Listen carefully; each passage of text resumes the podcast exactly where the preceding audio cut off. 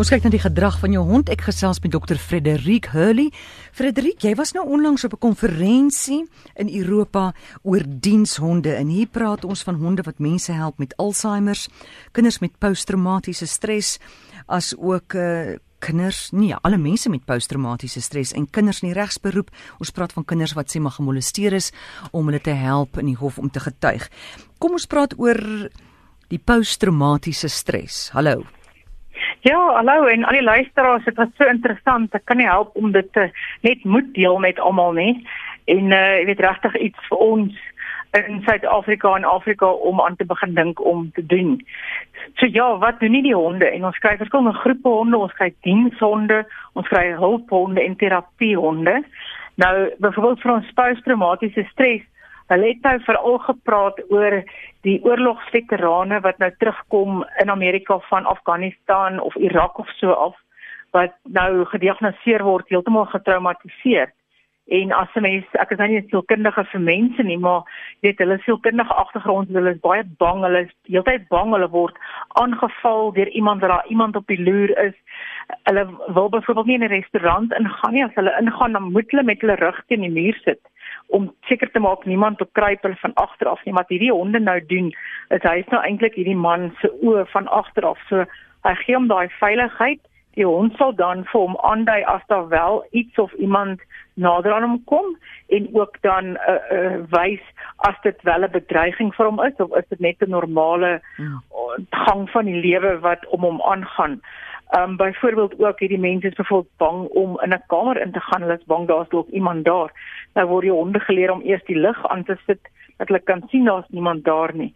Tydens 'n paniekaanval sal die honde byvoorbeeld op hulle gaan lê en hulle so kalm hou en ook byvoorbeeld as hulle 'n nagmerrie het, dan die mense wakker maak om hulle uit daai nagmerrie uit te kry en selfs medikasie te bring as dit wel nodig is. Dit is ongelooflik dat die honde so verskil kan maak. Ons het eintlik iemand ontmoet wat daar was wat met sy hond daar was wat posttraumatiese stres weet het. Sjoe.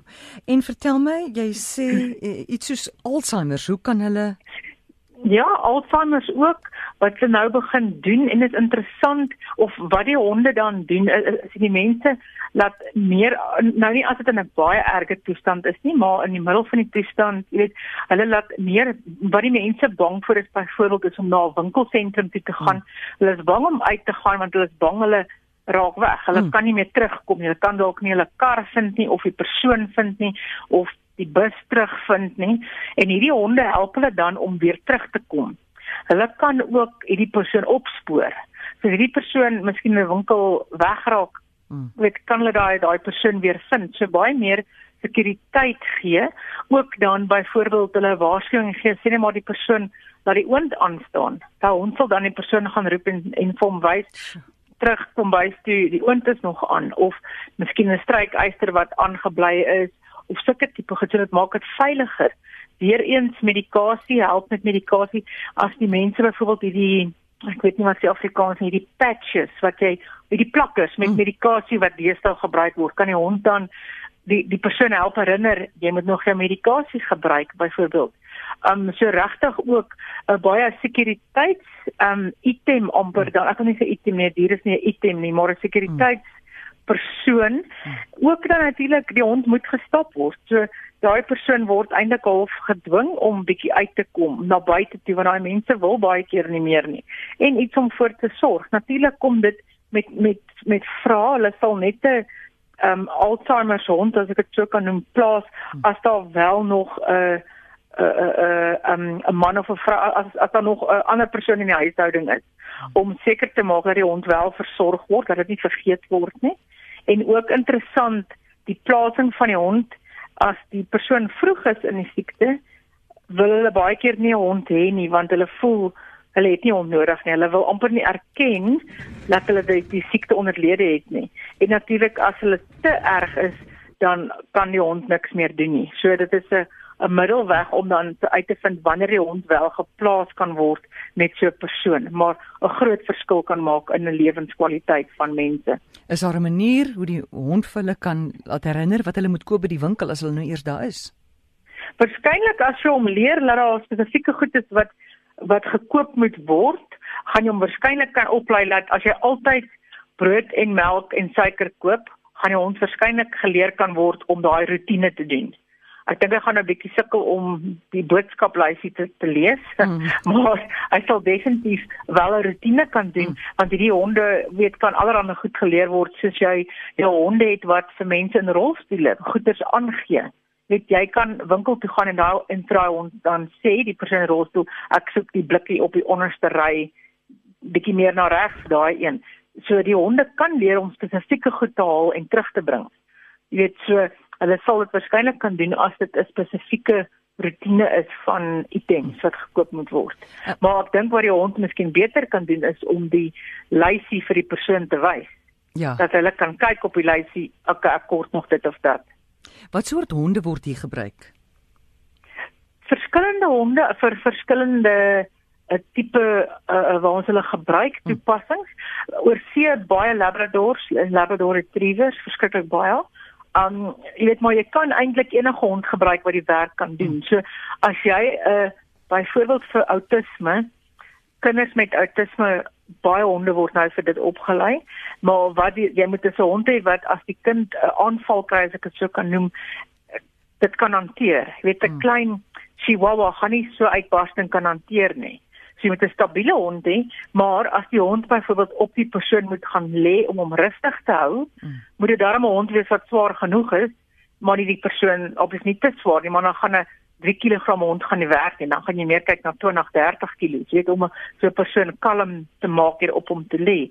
Waar ons 'n hond gebruik wat ons vir dowes oplei om om geluide te te wys, dan kan jy enige hond gebruik solank as wat hy reaktief is op geluid. Hy moet geluid kan wel al die honde kan dit hoor maar reageer daarop.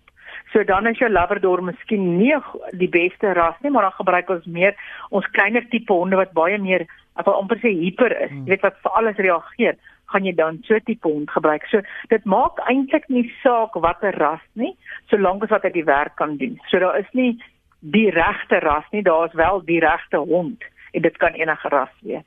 En dan in die regsberoep waar kinders moet getuig oor molestering, hoe hel, hoe kan honde ja, hulle daai help? Ongelooflik om om dit te luister. Dit is nou 'n nuwe wat hulle in Amerika begin doen en en wat daar gebeur is is dat die persoon, weet jy ons praat nou van kinders, weet 'n kind wat 5 is wat miskien deur pa en oupa en boetie en wie ook al nogal gemolesteer is. Um en as die kind nie getuig nie, dan is daar there's no case. Mm. So die probleem kom in daai arme kind wat vir die laaste 3 jaar probeer is om te help vergeet van die voorvalle, moet nou weer alles na 3 maande jaar as die ding in die hof kom, weer alles oordien.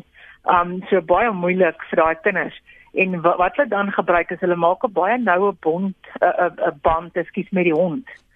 Um en en kinders is baie keer bereid om vir 'n hond of 'n dier alles te vertel. Weet jy, hulle hulle praat met die hond, hulle praat nie meer met die persoon nie en daai hond gaan dan saam in die in in in die regsbank en en sit langs daai kind. En die kind kan die hond net vashou of net daar sit. En dit laat hulle dan baie vry vir hom sy vertel die storie vir die hond. Hy vertel dit nie vir die regter of vir wie ook al nie. En sover is hulle persentasie van al die gevalle en hulle het al iets van 130 gedoen was daar net een kind wat nie gepraat het nie. Al die ander kinders seker gepraat So dit is regtig fantasties. Weet om net daai seker dis amper 'n sekuriteitsobjek.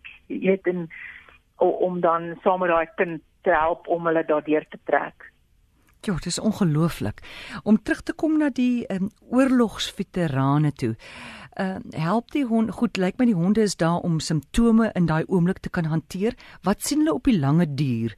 Raak daai oorlogsveterane raak hulle beter?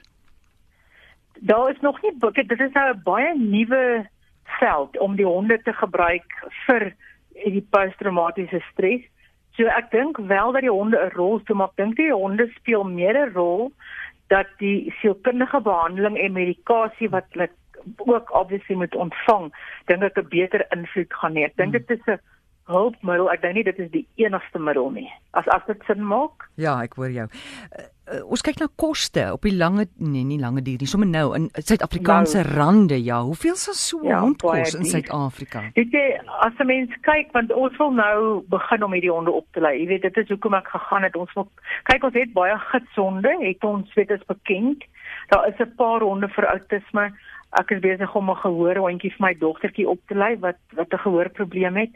Um en dit daar is die hier en daar, maar ons wil regtig begin kyk om dit meer te begin gebruik in jou arbeidsterapie byvoorbeeld, in fisioterapie. Dit hmm. ongelooflik wat waar diere 'n verskil kan maak.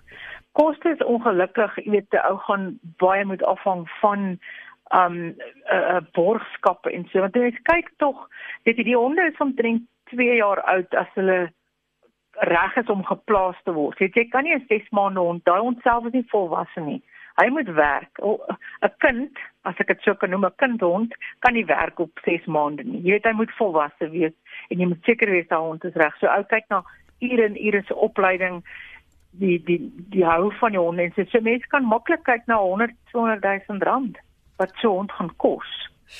So oor see werk hulle maar met hierdie nie non-for-profit organisasies waar jy dan borgskappe kry van groot maatskappye om dan te help om van die honde te begin oplei. En ek dink soos 'n ou meer kry, dink ek gaan jou kostes kan minder word. Mm. Want jou oorhoofse koste bly dieselfde. Jy weet so, maar dit is as mens kyk waar die verskil maak, weet om iemand se diabetes wat in 'n hipoglysemie in ingaan, daai hond kan sy lewe red.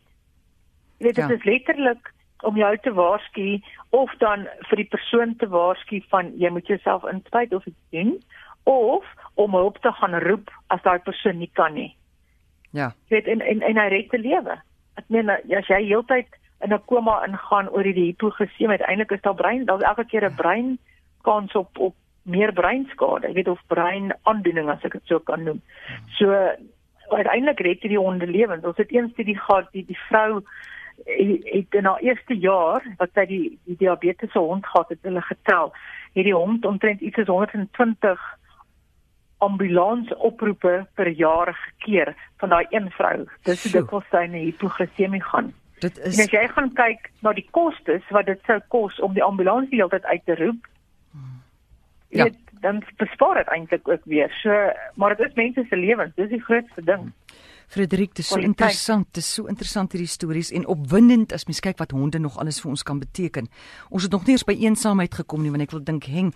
Ek dink aan ja? kinderhuise en ouetehuise. Absoluut. Uh, ja, dit is ons ons dan ons hulphonde ja. waar regtig ja, net hulp ja, just somebody to talk to. Ek ja. som, want die honde is hulle diskrimineer nie. Hulle gee nie om as 'n kind stotter, hulle gaan nie op of aanmerking maak. Dit is miskien vir die Engels unconditional love. Ja, ek nou, hoor jou. Geen nie om hoe daai persoon is nie. Hmm. Hy aanvaar jou soos jy is met jou en ek wil dit nie as 'n probleem neem nie, maar met jou verskil van ander mense. Hy gee nie om nie. Hmm. Jy weet, hy aanvaar jou soos jy is en dit is presies waar hulle so groot rol speel in mense se lewens. Frederik, ek moet jou groet. Baie dankie. Dis 'n plesier en dankie vir die geleentheid om dit net met mense te deel want dit is regtig ongelooflik.